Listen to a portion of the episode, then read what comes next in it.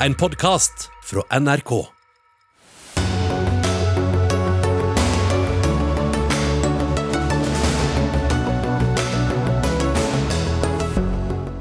Sjøvold-saken skal granskes. Det skjer etter at VG avslørte at en ansatt i Oslo-politiet ble ufør etter at han varslet om at han var presset av overordnede til å kvitte seg med våpenet PST-sjefen Hans Sverre Sjøvold hadde oppbevart ulovlig. Redd Barna mener regjeringen må hente de fire norske barna, og dermed også mødrene deres, IS-kvinner i Syria, hjem til Norge, enten de selv vil eller ikke. Ren og skjær galskap, ifølge Frp. Ine Eriksen Søreide, tidligere utenriksminister, mener regjeringen må ta på alvor at EU utvikler seg i en rasende fart, og utrede hvordan vi best sikrer norske interesser nå, og ikke hvordan EØS-avtalen har virket. Nå kom det. USAs høyesterett bekrefter at det er ekte, det utkastet til en ny abortavgjørelse som ble lekket, og som kan gjøre at nesten 50 års rett til selvbestemt abort kan forsvinne. Velkommen til Dagsnytt 18 med Ugo Fermariello i dag i NRK P2 og på NRK1. Og vi begynner i Ukraina, der russiske styrker nå skal være i ferd med å storme stålverket Azovstal i Mariupol, som vi har hørt om i flere uker, der mange sivile hadde forskanset seg, i tillegg til ukrainske militære. Det er flere ukrainske medier som melder dette nå. Fortsatt skal det være 200 sivile igjen inne på området, ifølge byens ordfører. Reporter Eirik Veum, du og fotograf Lukman Gurbani er i Dnipro. Dere er nettopp kommet hjem fra Zaporizjzja øst i Ukraina. Hva er det siste vi vet om situasjonen ved stålverket? Det er flere medier og andre kilder som melder dette nå, at russiske bakkestyrker er i ferd med å ta seg inn i det som er igjen av dette stålverket, og ned under bakken. Så langt så har jo russerne stort sett konsentrert angrepene sine fra lufta med, med jagerfly eh, og artilleri. Så det at de nå sender inn bakkestyrker, tyder på at de da nå har et eh, seriøst ønske om å da få nedkjempet den uh, ukrainske styrken som er der inne, uh, en gang for alle. Og Hva skjer da om stålverket faller, som det heter til russerne, at de, at de lykkes? Ja, da, da, har de jo tatt kontroll over hele Mariupol. Men det er klart, hvis russiske bakkestyrker går ned der, så har altså ikke russerne sendt inn noen uh, noen amatører. Da har de sendt inn det de har av elitestyrker. Det som venter dem der nede, det er sannsynligvis da, et par tusen ukrainske soldater, en god del fremmedkrigere og uh, denne, det som er igjen da, denne uh, Azov-bataljonen. ja, Til sammen ca. 2000 soldater. Og de kommer til å møte russerne med det de har å slåss med. Dette er jo da et vanvittig anlegg med tunneler, med bunkere, med masse skjulesteder og oppholdsrom. Og det man frykter da, der nede, vil være et blodbad som man kanskje ikke har sett noe lignende av siden andre verdenskrig. Det er jo nesten utrolig at de har holdt stand så lenge, eh, både de sivile og ikke minst de ukrainske soldatene som er der. Hvordan har de klart det?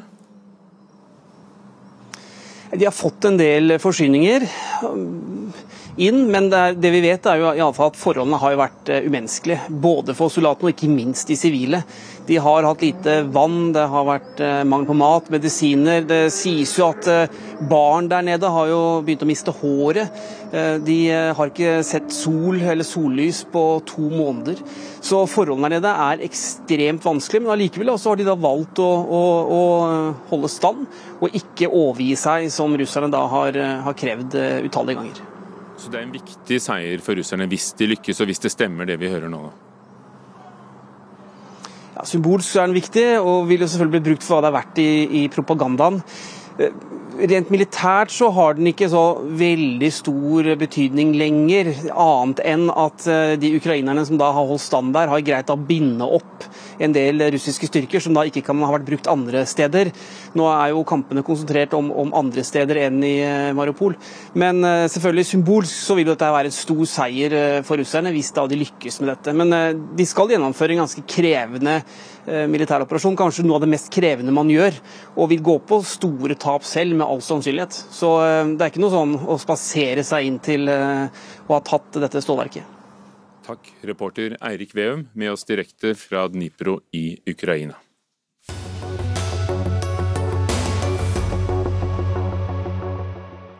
I dag har Politidirektoratet bestemt seg for å granske en varslingssak i Oslo politidistrikt, og det skjer etter at VG lørdag avslørte at en tidligere ansatt i Oslo-politiet er blitt ufør etter at han fikk beskjed om å ta imot våpen politimesteren i Oslo, den gangen Hans Sverre Sjøvold, hadde oppbevart ulovlig. Sjøvold fikk siden en bot på 50 000 kroner for det, og han er i dag sjef for PST, Politiets sikkerhetstjeneste.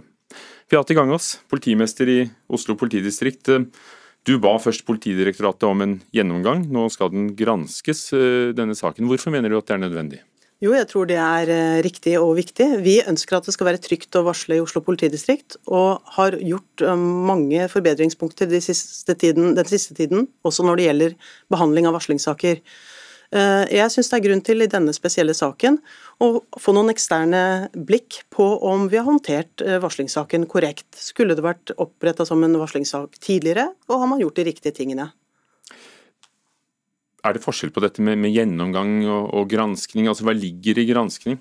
Nei, Jeg tolker jo det som det samme. Altså Man må ettergå uh, det materielle i saken. Uh, og både se på om det burde ha eh, vært registrert som et varsel på et tidligere tidspunkt, eh, og før det eh, tidspunktet vi oppretta en varslingssak, nemlig i mai 2020. Saken ble altså så belastende for denne ansatte at han i dag er 100% ufør. Han takket også ja til et tilbud fra politiet på 1,2 millioner kroner for selv å si opp jobben, og ikke snakke om saken siden. Hvorfor har ikke politiet håndtert dette varselet bedre? Altså Det er mye med det varselet som er håndtert godt, la meg få si det. Men jeg vil gjerne ha et eh, eksternt blikk på å se om vi burde ha gjort mer.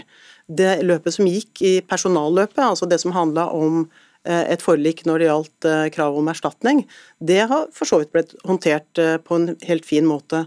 Men varslingsdelen av denne saken, den syns jeg det er fint å få et eksternt blikk på. Burde vi ha gjort flere undersøkelser? Burde det vært håndtert på en grundigere måte? Burde det vært satt ut eksternt allerede da?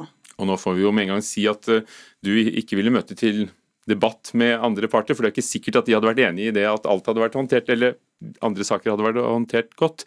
Men det er jo sånn at Politiets Fellesforbund, eh, som er de politiansattes fagforening, har et vedtak på der de ikke anbefaler medlemmene å varsle. Altså, de anbefaler å ikke varsle. og I lys av det, eh, hva bør dere gjøre med rutinene for varsling når de ansatte selv Eh, fagforeningen deres vedtatt at dette bør vi ikke gjøre? Ja, Jeg eh, syns jo det er et, et, trist eh, vedtak, det må jeg bare si. Vi ønsker at folk skal varsle. Vi skal ta tak i varsler på en, eh, en god måte, og vi lærer å behandle varslingssaker. Eh, det er ikke varslingssaken i seg selv som har vært utfordringen her, personalmessig. Men at vi kunne ha gjort eh, ting bedre, det vil vi gjerne gå ordentlig inn i. Vi har akkurat nå fått en helt fersk medarbeiderundersøkelse. og Der sier jo ansatte i politiet, også Oslo politidistrikt, at de mener det er trygt å si ifra. Det skal det fortsatt være. og Vi skal motta varslinger på, eh, på en profesjonell måte.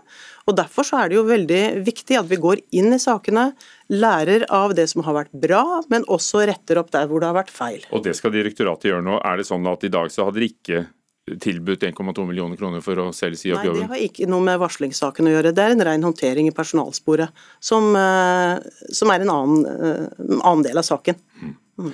Beate Gangås, politimester i Oslo. Takk for at du var med. Som sagt, du, du, vil ikke debattere, og for sikkerhets skyld så vil jeg også gjøre oppmerksom på at vi har spurt dagens PST-sjef Hans Sverre Sjøvold om å være med, siden vi, vi, snakker om ham, men han takket nei til det.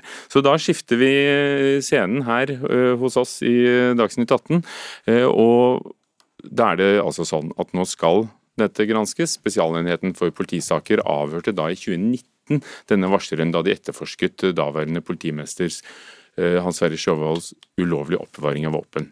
50 000 kroner altså i bot, eh, men han ble aldri etterforsket for å ha utøvd press mot varsleren, som i dag er ufør.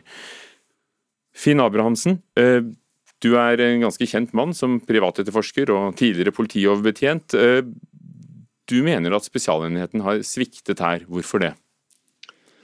Nei, altså jeg mener jo det at det er greit nok det at han har fått et forelegg for å, ikke, for å oppbevare ulovlig våpen, altså ikke levert inn eller få registrert dem. Altså Han har jo tatt imot våpen fra en familie, to stykker.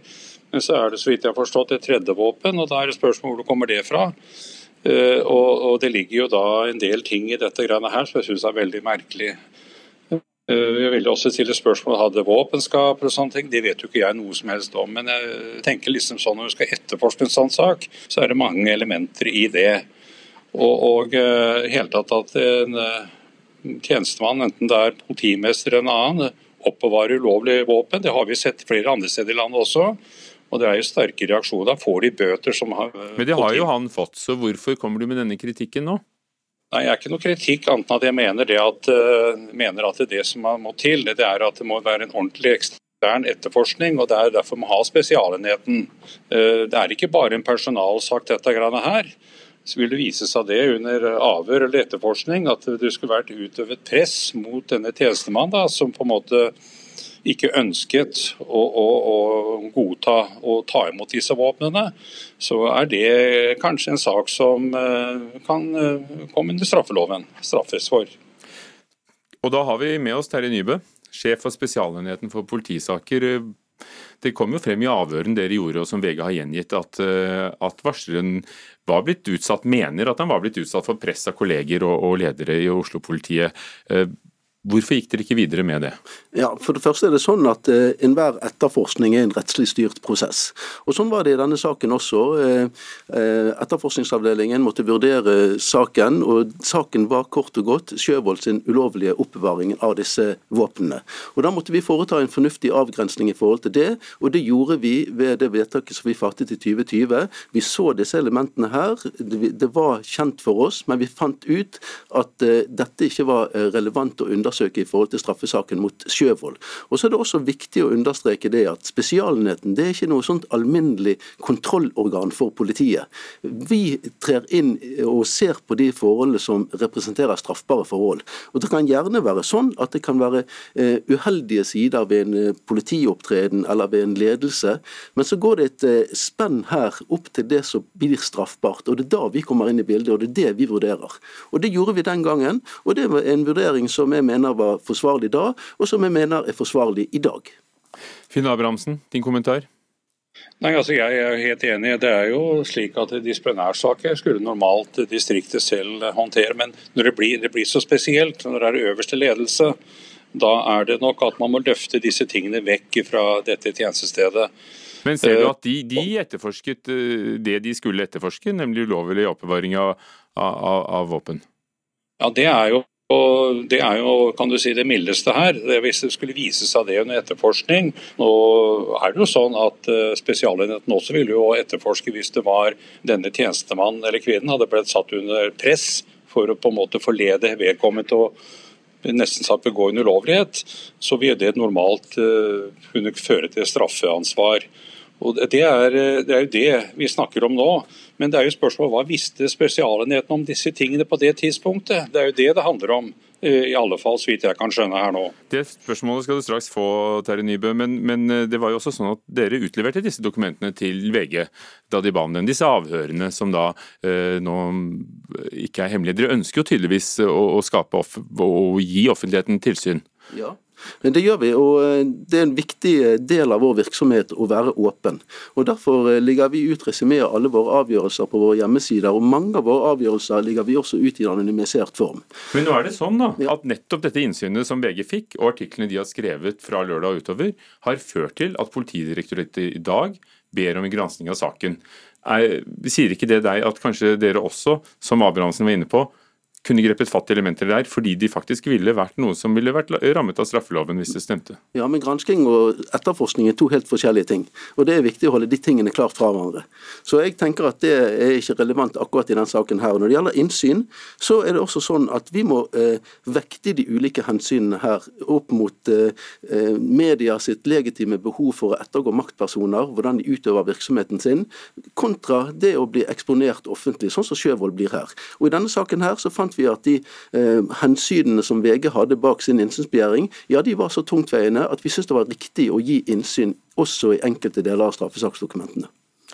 Ja, vi har med oss også Gard Steiro, sjefredaktøren i VG. Eh, hva, hvor alvorlig vil du si saken er? Saken er alvorlig og saken er sammensatt. Den handler jo dypest sett om hvilke forventninger vi skal ha til ledere i politiet. Den handler om likhet for loven, eh, og den handler om varslingskultur i politiet. Og også om spesial, altså tilliten til spesialenhetene og deres mandat og kvaliteten på den etterforskningen vi har. Og Det er jo mye jeg kunne kommentert det som er sagt. Jeg vil i fall først si at denne åpenheten som man snakker om her, den har vi merket litt lite til. Vil jeg si. Vi har jo holdt på i tre år for å få ut disse dokumentene, og har jo i samme sakskompleks måttet anlegge søksmål mot saken for å få innsyn i dette. Så det har ikke vært, Vi har ikke opplevd det som veldig lett å få tilgang til denne dokumentasjonen. Tvert imot har vel vi opplevd at dette var en sak som var forsøkt dysset ned fra start og helt til VG publiserte saken da i helgen. Av hvem mener du? Nei, det er åpenbart i starten av denne saken at grunnen til at denne varsleren altså havner i en veldig vanskelig situasjon i starten, slik han forklarer seg, er at hun nekter å etterfølge en ordre. Så allerede der er det jo et forsøk på, sånn som vi oppfatter hans versjon iallfall, å, eh, å unngå offentlighet og unngå en sak rundt disse våpnene som er ulovlig. Det er jo selve oppbevart. saken, og der er det jo påstand mot uh, påstand. Men opplever du at uh, Terje Nybø her og, og, og Spesialenheten forsøkte å dysse det ned? Nei, men jeg opplevde ikke at de forsøkte å dysse det ned. Men det vi helt klart har opplevd, er at det var vanskelig å få innsyn i disse dokumentene. Altså, våpnene, Denne våpensaken ble kjent i 2019, og det er først nå vi har fått innsyn i disse avhørene, etter å ha klaget gjentatte ganger, og som jeg sier, anlagt sak mot staten i en annen del av dette sakskomplekset. Ja, og Det er litt viktig, akkurat det siste som Steiro sier der. Det er to forskjellige saker. dette. Den saken som han nevnte nå, det var en annen sak enn den vi har behandlet nå. Og jeg tror nok den dialogen vi har hatt med VG i denne saken her, gir et litt annet eh, bilde, sånn som jeg oppfatter det. For jeg oppfatter at VG har vært eh, fornøyd med den behandlingen de har fått hos Spesialenheten. I denne saken. I denne saken. Men du, du, sa jo at dere bestreber dere på innsyn og åpenhet eh, rundbaut? Det gjør vi absolutt, i alle saker. Ja. Skal vi la det ligge der, og så skal vi snakke om denne saken. Eh, Finn Abrahamsen, eh, tidligere politioverbetjent og, og nå da altså privatetterforsker. Eh, skjønner du at de må avgrense eh, etterforskningen sin, som vi, som vi hørte om? Og, og, Nå kommer det da en granskning etterpå, men det er noe annet enn en etterforskning av straffbare forhold? Jeg syns jo dette her elementet her med at denne tjenestemannen har følt seg presset Nå vet jeg ikke hva han har av, hva slags forklaring han har avgitt til, til Spesialenheten. Men hvis dette kom fram på det tidspunktet, så ville jeg jo tro at det var helt naturlig at man hadde kjørt ganske tøft på det. Nå er det jo sånn at uh, Vi har jo hatt erfaring fra Vestlandet med varslere som har virkelig fått problem. Og Jeg trodde nesten at det var i ferd med å bli slutt på dette her. Men, uh, men det, det, er jo ikke konsekvensen av dette. Det ser vi jo nå. Dette er jo veldig, veldig negativt for politiet, det som har har endt opp i. Og Dette kunne man ha unngått hvis man var mer kritisk i forhold til den etterforskningen som fant sted på dette tidspunktet. Det er greit nok at vi visste at han hadde våpen. Det er greit nok, Alle hadde jo fått, fått det med seg. Men så er det da spørsmålet en tjenestemann, hvordan han opplevde denne situasjonen, som prøvde da på en måte å gjøre et eller annet. Og så blir han presset da, blir det sagt, av, av overordnet, sier han da. Men dette er spørsmål om dette var kjent på det tidspunktet han hadde åpnet seg fortalt dette til Spesialenheten. Det er det jeg er ute etter. La oss ta den ballen videre. Terje Nybø, var det kjent på det tidspunktet? Ja, vi var kjent med disse elementene her, men som jeg sa innledningsvis, dette valgte vi å avgrense mot fordi at vi fant at det ikke var rettslig relevant i forhold til den etterforskningen som vi hadde mot Sjøvold. Nå har VG skrevet flere lange artikler. Det blir gransking, har Politidirektoratet bestemt i dag. Nå etterkloke som vi alltid er, er det noe dere burde gjort annerledes? Nei, den strafferettslige vurderingen tenker jeg eh, står seg. Jeg kan ikke se at vi skulle gjort noe annerledes i denne saken, basert på det som kom frem nå. Karl Steiro, justisminister Emilie Enger Mehl har sagt at hun har tillit til uh, Hans Sverre Sjøvold som sjef for PST. Men vil du si at det er noen andre enn ham som sitter med, med det endelige ansvaret i denne saken? Nå, nå kommer det da en gransking, da, så får vi se hva de kommer frem til. Ja, altså, Sjøvold sitter jo med et åpenbart ansvar i denne saken, men nøyaktig hva Sjøvold har eh, gjort og hva andre ledere i politiet har gjort i denne saken, det vet vi jo ikke. For det er jo ikke etterforsket som Spesialenheten sier her. Så dette, Hvilke konsekvenser dette bør få og hvem som har gjort hva, det har vi ikke fått svar på ennå. og Derfor er det jo bra at saken nå omsider granskes. Etter min mening burde jo det vært gjort på et langt tidligere tidspunkt. For man har jo forstått at dette, denne mannen mannen som eh, sa ifra, denne mannen som varslet, denne mannen som gjorde sin plikt, har jo betalt en høy pris for dette, er i dag ufør som følge av at han eh, sto opp mot sine ledere i politiet, slik han oppfatter det. Mener du at, eh, at det burde vært sett på strafferettslig sammen med dette med våpenoppbevaringen? Altså, jeg forstår ikke, det, det jeg har problemer med å forstå, kanskje, kanskje, det er flere med meg har problemer med å forstå, er at når man sitter med opplysninger at en medarbeider har følt seg presset i en sak som dreier seg om våpenet til øverste leder i Oslo-politiet, at man følt det presset, at man ikke da finner det interessant, eller si at det handler om tilliten til politiet, at man ikke undersøker det, det forundrer meg, må jeg si. Mener du at uh, Hans Sverre Sjøvold er, er svekket som sjef for PST, selv om justisministeren sier hun har tillit? Først og fremst så mener jeg at tilliten til systemet er svekket. Fordi at denne saken har vist at eh, det er ikke en likebehandling eh, alltid mellom, eh, mellom, folk flest og ledere i politiet. Og denne saken viser jo etter min mening at systemet ikke fungerer godt nok, og kontrollmekanismen ikke fungerer. Og hvem av de navngitte personene i denne saken som liksom skal ha ansvar for denne saken, det har vi ikke svar på ennå. Granskningen kommer. Takk skal dere ha alle sammen. Vi lar det ligge nå. Har hørt alle sidene så langt fra dere. Gard Steiro til slutt, sjefredaktør i VG. Terje Nybø, sjef for Spesialenheten for politisaker. Og Finn Abrahamsen, privatetterforsker.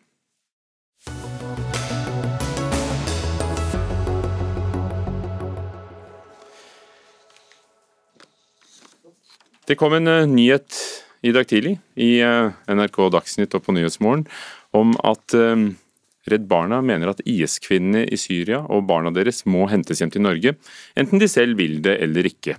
Redd Barna hevder regjeringen er forpliktet til å hente kvinnene hjem, om nødvendig med tvang, av hensyn til barna. Gunvor Knag Fylkesnes, eh, direktør for politikk og samfunn i Redd Barna. Hvorfor mener du at Norge skal gjøre dette? Vi har hele tida ment at eh, Norge må hente hjem de norske barna umiddelbart. De har levd under eh, helt forferdelige forhold. FN beskriver som torturlignende forhold i over tre år nå i disse interneringsleirene i Syria.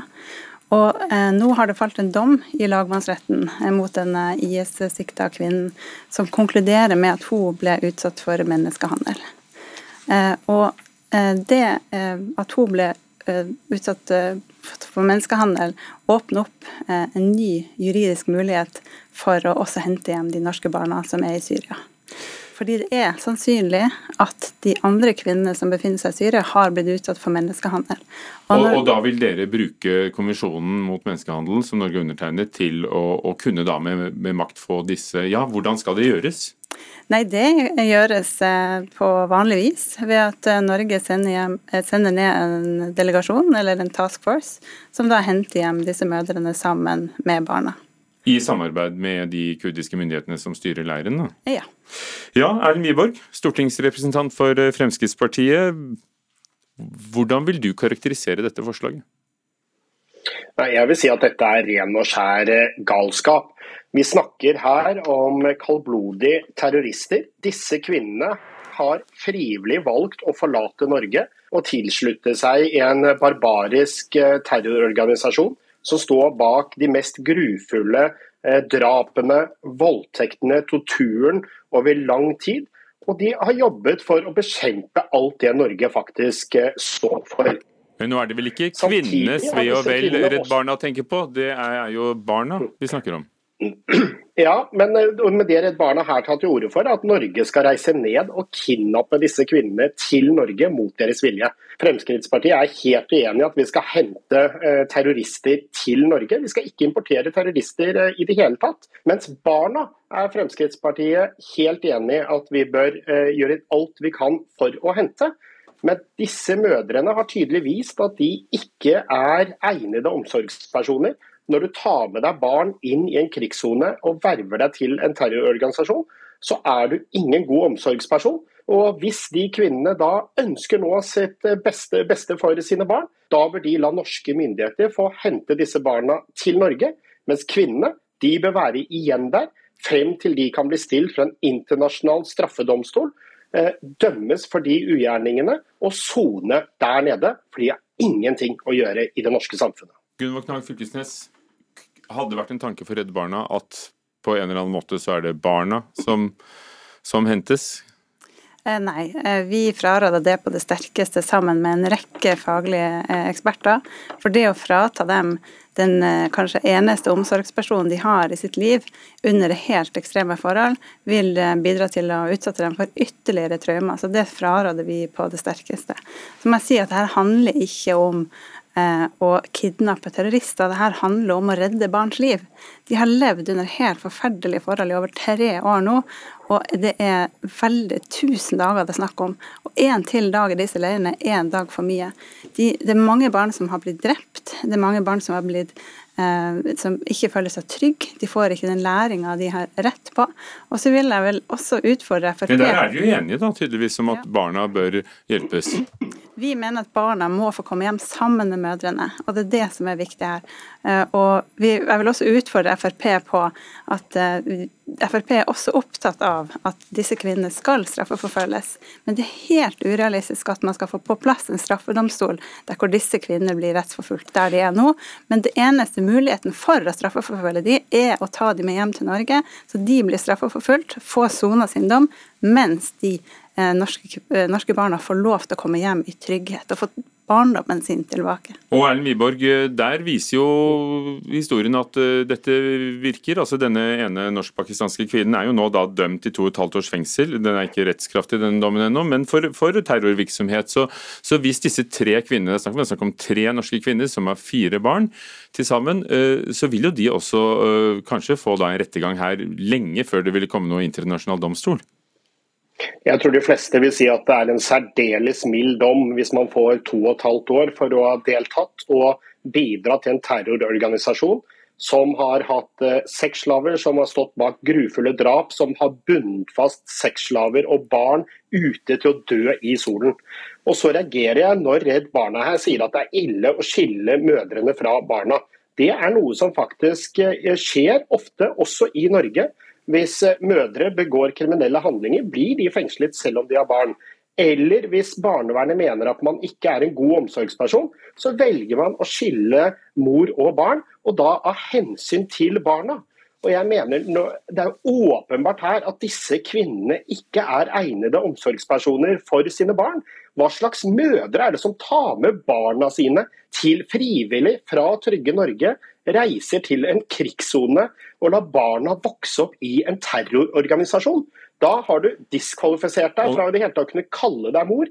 Og her, Det er derfor disse barna bør skilles fra mødrene. Og Nå husker vi jo Erlend Wiborg, at det var på denne saken også at eh, ditt parti gikk ut av, av regjering da, da, disse avgjørelsene ble tatt. Gunvor Knag Fylkesnes, eh, vil du få gehør eh, for dette, tror du? å ta med IS-kvinnene og barna deres? Eh, det håper jeg nå. Eh, jeg tror Frp er alene om å mene at eh, barna må skilles fra mødrene i leirene. Det er helt uforsvarlig. Det er ikke til barns beste. Men det rettslige grunnlaget, altså det er ikke rettskraftig dom, denne som er i lagmannsretten. Ja, Når det kommer til den dommen i lagmannsretten i forhold til eh, menneskehandel, så er ikke den rettskraftig.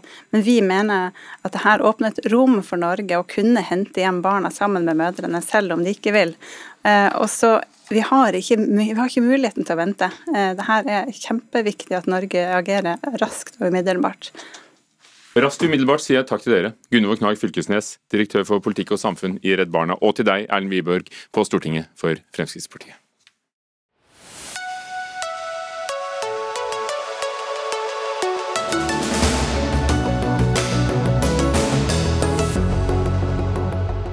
Nettopp der, på Stortinget, var det en redegjørelse i dag om hvordan det står til med samarbeidet med EU og de viktige EU- og EØS-sakene som utenriksminister Anniken Huitfeldt holdt.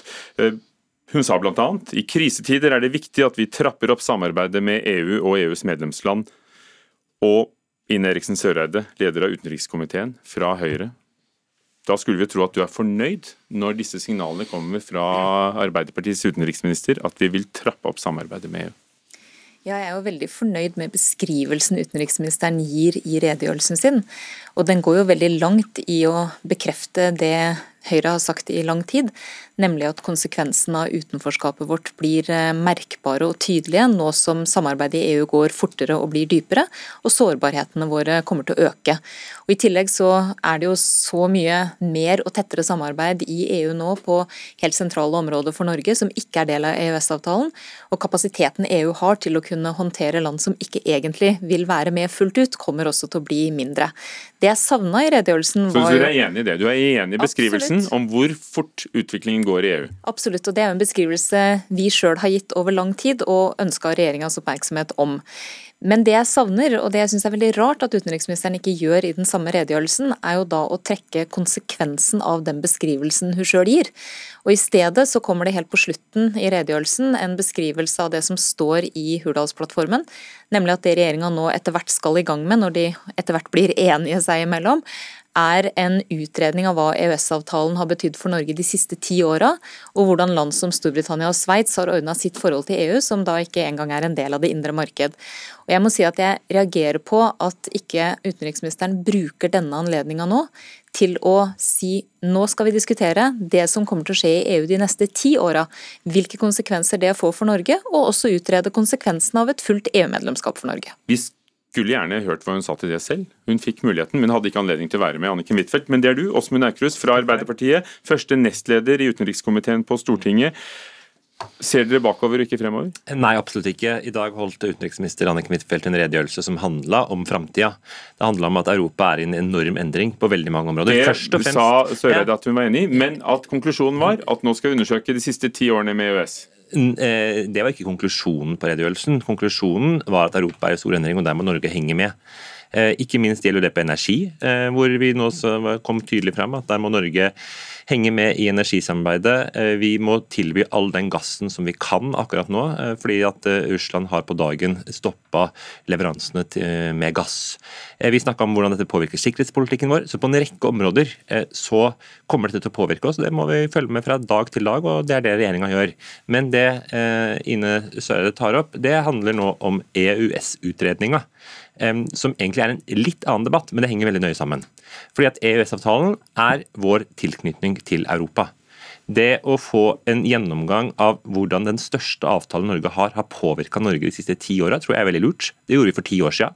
Det ga oss veldig mye kunnskap, og det tenker jeg det er bra at vi nå får igjen. Eh, eh, den skal både se på hvordan EØS-avtalen har påvirka oss de siste ti årene, og den skal se på hvordan Norge best kan bruke handlingsrommet. Eh, for EØS-avtalen er et stort handlingsrom, og da må vi se på hvordan vi best bruker det. Og dermed så utelukker vel ikke det at vi også skal bli med på helsesamarbeid uh, som ble tydelig under koronapandemien f.eks., eller nå uh, sikkerhetspolitikk i, i lys av Ukraina-krigen? Utfordringen med begge de to temaene er at de ikke er del av EØS-avtalen. og Det betyr at Norge må jobbe for enten særavtaler eller jobbe med EU for å få lov til å være med. Og, utenriks, og Utenriksministeren sier jo sjøl i redegjørelsen at selv om vi ønsker å være med i EUs forsterka helsesamarbeid, så er det ikke gitt at utfallet blir at vi får være med. Og Det er jo fordi at dette ikke er dekka av noen av de avtalene vi har. Og det, det som er interessant nå, er jo at utviklinga i EU går så lynraskt på så mange områder som er viktige for oss. Så mye faktisk at utenriksministeren utenriksministeren sjøl peker på EUs nye konkrete relevans som sikkerhetspolitisk aktør. Mm. Sikkerhetspolitikk, utenriks- og forsvarspolitikk er ikke en del av EØS-avtalen og det samarbeidet vi er med på. Men, Utenriks, utenriksministeren peker også på at taktskiftet i EU får konsekvenser for handlingsrommet vårt. Og Da holder det ikke Aukrust å bare følge nøye med eller diskutere hvordan vi skal henge med. Da må vi ta diskusjonen. Hvordan er vår tilknytningsform til EU best mulig for å ivareta norske interesser? Det er ingen hemmelighet at Høyre har programfestet å jobbe for medlemskap i EU. Ja. Men tror du det er i det hele tatt realistisk å ta den debatten nå i Norge? Vi har jo ikke hatt en ordentlig EU-debatt i Norge på 30 år. Det er generasjoner som ikke har fått vært med på å ta den beslutninga. Nå er endringene så store og EU et helt annet enn i 1994. Og jeg syns det er veldig naturlig at vi er med på å reise en ny debatt, ikke for å søke medlemskap til neste år, men for å fortelle hva EU er og ikke er, så vi kan ta stilling til det i en norsk kontekst. For f.eks. da vaksinene ble bestilt mot, mot covid-19, ja da var det Sverige og, og, og Danmark som måtte, måtte rekke opp hånden og si at husk Norge. Ja, eh, og det viser jo egentlig at samarbeid samarbeidet vi har med EU fungerer veldig godt. og På en rekke områder så er Norge en veldig interessant partner. Det er klart at eh, vi, EU eh, e har blitt viktigere for Norge, men Norge har også blitt viktigere for EU. Og det er klart at eh, Utenriksministeren vår brukte påskeferien sin på å være på EUs utenriksministermøte, som er første gang utenriksministeren har vært det på, på, jeg tror det på over ti år. Så Det er klart det er jo et signal om at også EU ser viktigheten av å ha Norge. Men det som jeg synes er en, måte, en liten kortslutning av debatten som Høyre ønsker å dra opp, som jeg er helt enig i at vi skal diskutere Europa, for det går, skjer utrolig mye i Europa nå, det er at den først og fremst egentlig skal handle om Norge skal melde seg inn eller ikke i EU. Det er en interessant debatt, men for å være helt ærlig, akkurat nå er det ikke så mye mer enn bare en interessant debatt. Det er så utrolig mye mer som vi må håndtere fra dag til dag. Hvordan sikrer vi at vi ikke sitter på gangen når, når samarbeidet utvides uh, på helse, sikkerhetspolitikk, ting som er utenfor dagens EØS-avtale? Hvordan sikre at norske interesser blir ivaretatt? Vi er til stede. Uh, vår, uh, men til stede men bestemmer jo ingenting. Vår holdning lyttes til. og det er klart at, at statsministeren vår, utenriksministeren vår, er hyppig i Brussel og har møte med sine kolleger. Statsministeren er nå i København og møter de andre nordiske statsministrene og den indiske statsministeren. Det er klart, På en rekke områder så er Norge til stede der avgjørelser tas. Men eh, jeg mener at vi eh, først og fremst han får at det bare handler om norsk EU-medlemskap, er faktisk ikke det mest interessante. Det er jo langt på vei enig med det Erna Solberg sa, som sa at dette her er bortkasta bruk av energi, og ville bruke tida si på andre ting. Var det noe det hun sa? Søreide. Nei, og Erna Solberg har vært veldig tydelig på at Norge trenger et klart og tydelig ja-parti, og det partiet er Høyre. og Derfor så har vi vendt landsmøtevedtak på at vi ønsker å reise den debatten. Men jeg må si at jeg syns det er veldig pussig at regjeringa i denne sammenhengen ikke engang tør å utrede konsekvensen av et EU-medlemskap for Norge, når de nå skal til å utrede alt som ligger bak oss i tid, og de skal til å utrede tilknytningsformer som er helt irrelevante for Norge. Og hvorfor er det ikke sånn at regjeringa nå sier ok, nå står vi i denne situasjonen. Det vi utreder bør også inkludere hvilken påvirkning det har på Norge og norske interesser at EU nå skyter fart på samarbeidet på områder vi har stor interesse av, men der vi ikke er med. Det er ikke regjeringa interessert i overhodet. Fordi å, å, være med på møtene og være i Brussel er ikke nok? Nei, altså Poenget er at dette samarbeidet kommer til å bli mye mer intensivert på områder hvor Norge ikke har tilgang. og Da holder det ikke å reise til Brussel av og til, da må vi være med. Vi må sitte rundt bordet og vi må være med i diskusjonene og beslutningene. Det er vi ikke.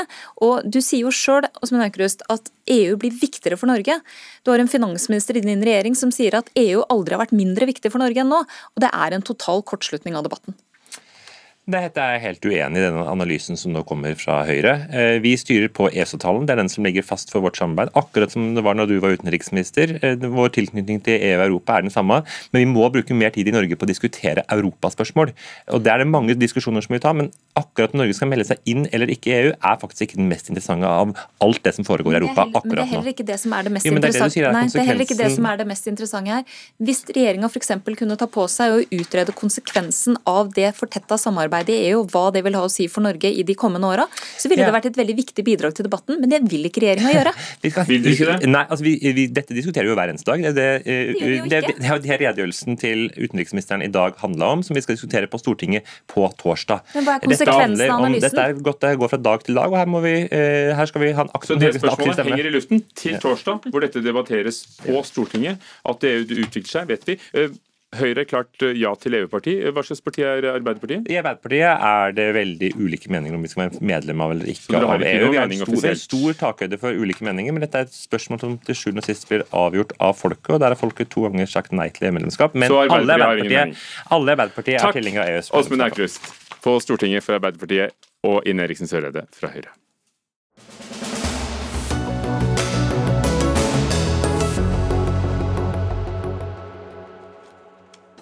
Barneombudet frykter for tryggheten til barn som bor på omsorgssenter eller i fosterhjem, etter at regjeringen i forrige uke åpnet for at det kan være færre tilsyn i disse tjenestene. I fosterhjem f.eks. De har da foreslått at dette for å lettere kunne ta imot opptil 400 enslige mindreårige flyktninger fra Ukraina, som da skal få et nytt hjem i Norge. Mathias Lia Nordmoen, seniorrådgiver i Barneombudet. Et alvorlig inngrep, sier du til Dagsavisen. Hva er det dere er bekymret for? Det vi er bekymret for, det er jo at barn i en svært eh, sårbar situasjon på omsorgssenter og i fosterhjem ikke får det tilsynet som de normalt sett har krav på. Um, og dette er jo da barn på omsorgssenter som kommer fra krig til Norge uten omsorgspersoner, som har et særlig behov for at myndighetene uh, følger med og fører tilsyn. Men de vil jo gjelde alle barn, for disse reglene er jo for alle, ikke sant? Ja, men på omsorgssenter så bor jo de barna som mm. kommer til de blir plassert i kommunen. Men i fosterhjem det er helt riktig at det vil gjelde for alle barn. Og Det gjør ikke oss noe mindre bekymret at dette vil gjelde også for, for de barna som allerede bor i fosterhjem, som vil få sva, et svakere ivaretakelse av sitt rettsvern enn det som er tilfellet i en normal situasjon. For Tidligere har det altså vært sånn at det har vært et eh, krav om fire årlige tilsyn hos fosterfamilier og to i året på omsorgssentrene. Eh, og Nå åpnes det for at det kan senkes til to i året hos eh, fosterforeldre, og ingen på omsorgssenteret. Kjersti Toppe, barne- og familieminister. Hvorfor valgte dere ikke å høre på, på Barneombudet da dere sendte den saken på høring for litt mm. Siden? Vi har hørt på Barneombudet i høringen. og vi har Dere tok ikke hensyn til det? Jo, altså vi har jo gjort, vi har tatt hensyn til veldig masse, og vi har gjort justeringer. Og så må jeg si at det er feil da du, du sier om at en ikke skal ha tilsyn lenger, med null tilsyn i omsorgssentre. Men det er ikke fordi krav at, om om tilsyn? Jo, altså, jo, fordi at det er det, og det er viktig å få sagt. Vi har ikke endra lova. Statsforvalteren har fremdeles ansvar for tilsyn, og det ansvaret forsvinner ikke. Vi endrer ikke det lovpålagte ansvaret, så tilsyn skal det være. Eh, og det som vi har gjort, er å, å endre på forskrifter, slik at det ikke nødvendigvis skal være to årlige tilsyn på, på alle eh, omsorgssentre, men det skal kunne vurderes. Og så er det jo men viktig... Men de kan risikere at det ikke blir noe tilsyn det Nei, året, da? Nei, det har vi òg sagt i den saka som er fremma for Stortinget, at eh, vi legger til grunn at det skal være årlige tilsyn, og det skal òg eh, være stedlige eh, tilsyn. Dette er jo et forslag fordi at vi kan komme i en helt ekstraordinær situasjon med veldig mange barn til Norge. Det er ikke aktuelt å innføre dette nå, men det får en ja, nærmest kriseaktig situasjon der eh, vi kommer i en i, der vi ikke klarer å gi eh, tilbudet eh, til de institusjonene og omsorgssentrene som er. Og, og, da må vi kunne prioritere hvordan vi skal ja, klare å, å gi nok, godt nok tilbud til flest mulig barn. Ellers kan vi risikere at de nye som kommer, ikke, at vi ikke har kapasitet til å ta seg av de. Og Da er det bedre at vi kan gå ned på tilsynet der det er oss høre, Altså, du mener at det fortsatt er et krav om tilsyn? og Nei, altså det som, det er jo fortsatt, De er jo fortsatt tilsynsmyndighet for omsorgssentrene, det er helt riktig. Men det har vært et krav om to stedlig tilsyn. Det er det fortsatt i dag. og Disse endringene kan inntre hvis det kommer veldig mange. Og, men da går det fra to til null, og det vi syns er et paradoks Nå sier jo Toppe at det blir ikke null. Det er fortsatt krav om tilsyn. Det er fortsatt krav om tilsyn, men det er ikke krav om, om stedlige tilsyn to ganger i året, sånn som det er i dag. De kan lempes på i en unntakssituasjon. Og Det er jo et paradoks at man, hvis man får flere barn, skal ha mindre oppfølging. Det reagerer vi på, og det syns vi er alvorlig. for men, men nå skjønner jeg ikke helt, Hva slags tilsyn er det snakk om hvis det ikke er tilsyn på stedet? Hvem skal, hvem skal undersøke de, hva og hvor? Da må de selv vurdere, basert på egne vurderinger, tilsynsmyndigheten, om de skal føre, hvor ofte de skal føre tilsyn. Det syns ikke vi er godt nok. Vi mener at det må være krav til minimumsantall, og de åpnes nå opp for å fravikes. For det er vel uansett ikke øh, altså Hvordan kan det gå utover øh, kapasiteten for å ta imot barn fra Ukraina at, at tilsynsmyndigheten, statsforvalteren, skal, skal, gå ut og føre tilsyn. Det kan være mm. Hvordan går det utover kapasiteten på omsorgssenteret? Altså, vi, vi, må jo kunne gi et forsvarlig tilbud til alle de nye barna som kommer. Eh, så kan det jo være eh, at det blir en, en så helt spesiell eh, stor eh, ressursmessig situasjon, at det er så mange barn, at eh, det vil være vanskelig eh, å få til å gjøre tilsyn etter dagens regler til, til alle. Og Da kan det være slik at dagens regelverk vil være til hinder for at en klarer å følge opp alle. Og Poenget med dette her er jo at da kan statsforvalteren tenke at OK, det omsorgssenteret her, det kjenner vi godt, det er omsorgssenter vi har fra før. Da kan vi gå ned på tilsyn på dem, og så kan vi prioritere de omsorgssentrene som er nye. og Det skriver vi òg i proposisjonen at da legger vi til grunn, og da vil vi legge til grunn i forskrifter at de nye omsorgssentrene skal prioriteres. For, for Nordmoen, hvordan, hvordan, tenker du at hva er alternativet for å sikre nok kapasitet? Vi savner en helt annen inngang på dette spørsmålet. Vi savner jo det at myndigheter i en sånn situasjon ikke med en gang hopper til løsninger som innebærer kutt. Vi savner at de heller ser på okay, hvilke endringer og ressurs, ressurser skal vi flytte på, så vi kan opprettholde en normal situasjon som sikrer rettssikkerheten til barn i svært sårbare situasjoner. Under pandemien så så vi jo det at man, man, eh, man flyttet om på og lokaliserte, omlokaliserte helsesykepleiere eksempelvis, sendte inn helsepersonell som hadde vært pensjonert. Sånne typer ting kunne vi sett for oss at regjeringen drøfter og diskuterer. Kan vi eh, omfordele midler så det ikke går utover barna? Men da får du det som siste spørsmål, Kjersti Toppe. Kunne dere tenkt annerledes? Mer kreativt? Ja, det, jeg må arrestere Barneombudet. Vi gjør jo ikke det. Eh, vi, vi, kutter jo ikke. Eh, dette, vi tilfører jo eh, barnevernet ressurser. Vi tilfører ressurser til omsorgssentrene, til kommunene. Dette er jo et forslag som skal være en hjemmel å ta i bruk dersom det blir en helt annen situasjon, og der det ikke er snakk om at ressurser er mangel, men der lovverket i seg selv gjør at det kan være til hinder for, for å få en god oppfølging oppfølging av, av, alle barn. Og Når det gjelder fosterhjemmer og at vi går ned fra fire til to eh, tilsynsbesøk oppfølgingsbesøk, så er det jo allerede i lova i dag. Det kan en gjøre dersom barn har bodd mer enn to år i den fosterhjemmen. Eh, og så, så jeg mener at dette er et eh, nødvendig forslag som vi ikke skal bruke nå, men i en krisesituasjon veldig kort til slutten, eh, Det innrømmes selv fra regjeringen at dette er en innebærer, innebærer en svekkelse av rammeverket rundt barna i deres eget notat. sånn at, at dette ikke er å kutte ned, det er ikke riktig. Vel, vi lar det stå der, for dette er dere ikke helt enige om uansett. Mathias Lia Nordmoen, seniorrådgiver i Barneombudet. Kjersti Toppe, barne- og familieminister. Takk skal dere ha.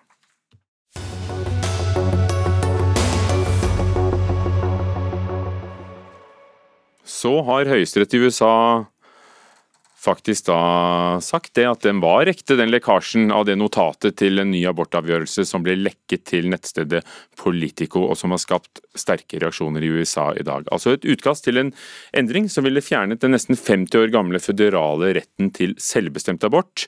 Eh, I ettermiddag norsk tid så ble det altså bekreftet, det var nå halv seks cirka.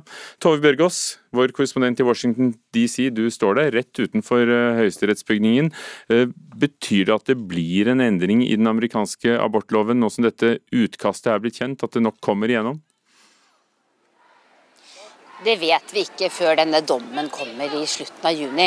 Men eh, altså, Det kan jo bli endringer. Dette er et utkast, men det virker jo som fem av dommerne i Høyesterett har bestemt seg for at de er klare til å velte denne dommen fra 1973 som har sørget for fri abort i USA. Så det er vel eh, veldig sannsynlig. Hvem er de vi hører bak det? Det er eh, stort sett eh, aborttilhengere som er her for å demonstrere nå. Men jeg har også sett eh, en del på den andre siden. Men det var mange unge, også LHBT-aktivister, som har kommet hit i dag for å demonstrere. De roper at abort er, er helsetjenester, kvinner har rett på helsetjenester. Men så er det også mange, annet er det folk med regnbueflagg her, som er redde for at denne dommen kan føre til at også homofiles rettigheter kan bli innskrenket fremover, hvis Høyesterett skal ta den typen standpunkter som de ser ut til å ønske å ta i, i dette notatet.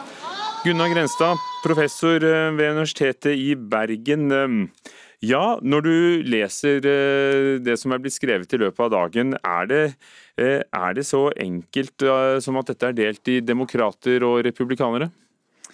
Ja, Det dokumentet som eh, vi fikk ut fra Høyesterett, som politikere fikk ut fra Høyesterett i dag, er jo veldig eksplosivt med tanke på den voldsomme endringen vi får i USA innenfor den lovgivningen. Jeg har kikket på dokumentet i dag, og det er veldig sterk lesing i hvordan Høyesterett går gjennom de argumentene eh, for å kan si tilbake, hvis beslutningen blir endelig i juni, og tilbakevise og ta vekk Rose med grunnlag for fri abort eh, i USA. Altså Det er den nesten 50 år gamle saken der så som skapte presedens, som gjorde at det ble da lovlig abort. Ja, for I 1973 så kom altså abort, eh, ble det fri abort i USA ved Roe versus Wade-dommen. og I 1992 så ble den dommen opprettholdt i Casey-dommen.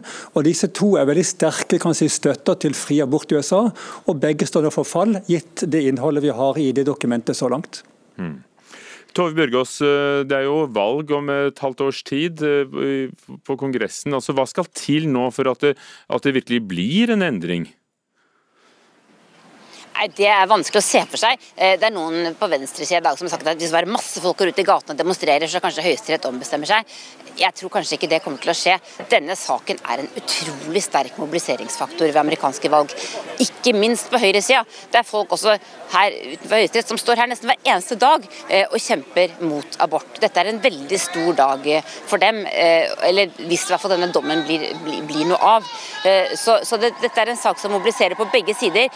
men det vil vil kanskje mobilisere enda mer på venstresida nå. Og det er jo også en del som selvfølgelig lurer vi alle på hvem var det som lekket dette dokumentet.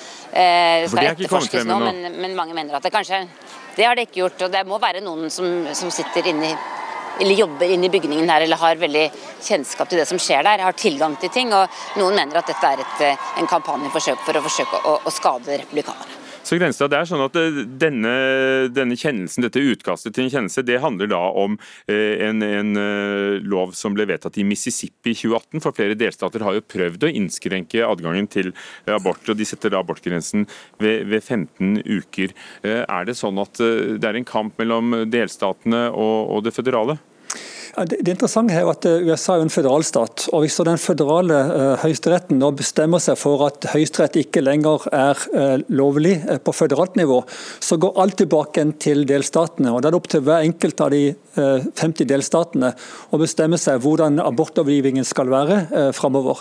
Og der er USA sine 50 delstater ca. delt sånn 50-50.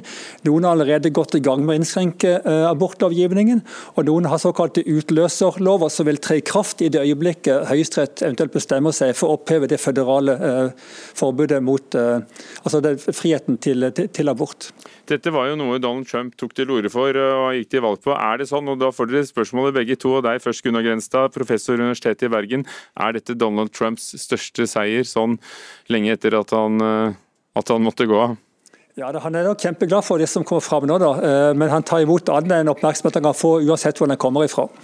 Tove Bjørgaas. Han fikk altså utnevnt tre høyesterettsdommere, eh, og det er jo rekordmange. Og det er de tre som har sørget for at dette her nå blir vedtatt, sammen med to andre. Eller at, at, at det trolig blir vedtatt. Eh, men det er interessant det som eh, Grensa sier også om delstatene. Nå kan det altså bli et USA der sør og Midtvesten der er det ikke lov til å ta abort, mens her oppe hvor vi befinner oss, så vil det fortsatt være fri abort. Det blir et land med veldig veldig ulike lover. og, og det, blir, det, er, det er en utrolig enorm stor endring i det amerikanske samfunnet dersom dette blir lov. Og noe engasjementet hører vi bak deg, så Tove Børgaas utenfor Høyesterett i Washington DC.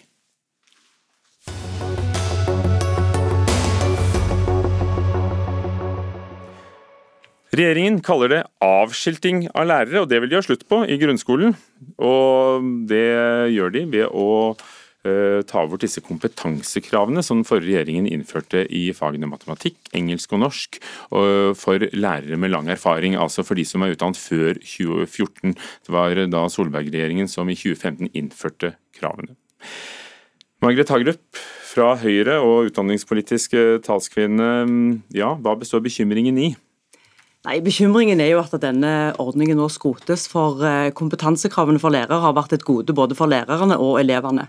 Målet i norsk skole er jo at ingen elever skal gå ut uten å kunne lese, skrive og regne. Og Det viktigste vi kan gjøre for å skape en skole med muligheter for alle, er jo å gi elevene den beste læreren. Og Utdanning betyr noe, og lærerne bør ha utdanning i det faget de underviser i. Det gjør òg at undervisningen blir bedre, har vi òg hørt fra lærerne sjøl. Så vi mener jo at dette her helt klart er en ordning som eh, trengs i norsk skole. Vi ser jo etter at de ble innført, så er det flere som eh, lærer, flere er til stede og flere fullfører skolen. Så det har jo vært en suksesshistorie fram til nå. Elise Vågen fra Arbeiderpartiet på Stortinget, utdanningspolitisk uh, talsperson. Du deler selvfølgelig ikke bekymringen, for dere vil jo fjerne dette. Men, men, hvorfor snu noe sånt som nå allerede er i gang, og som noen da allerede har, hatt glede av å fått utviklet kompetansen sin?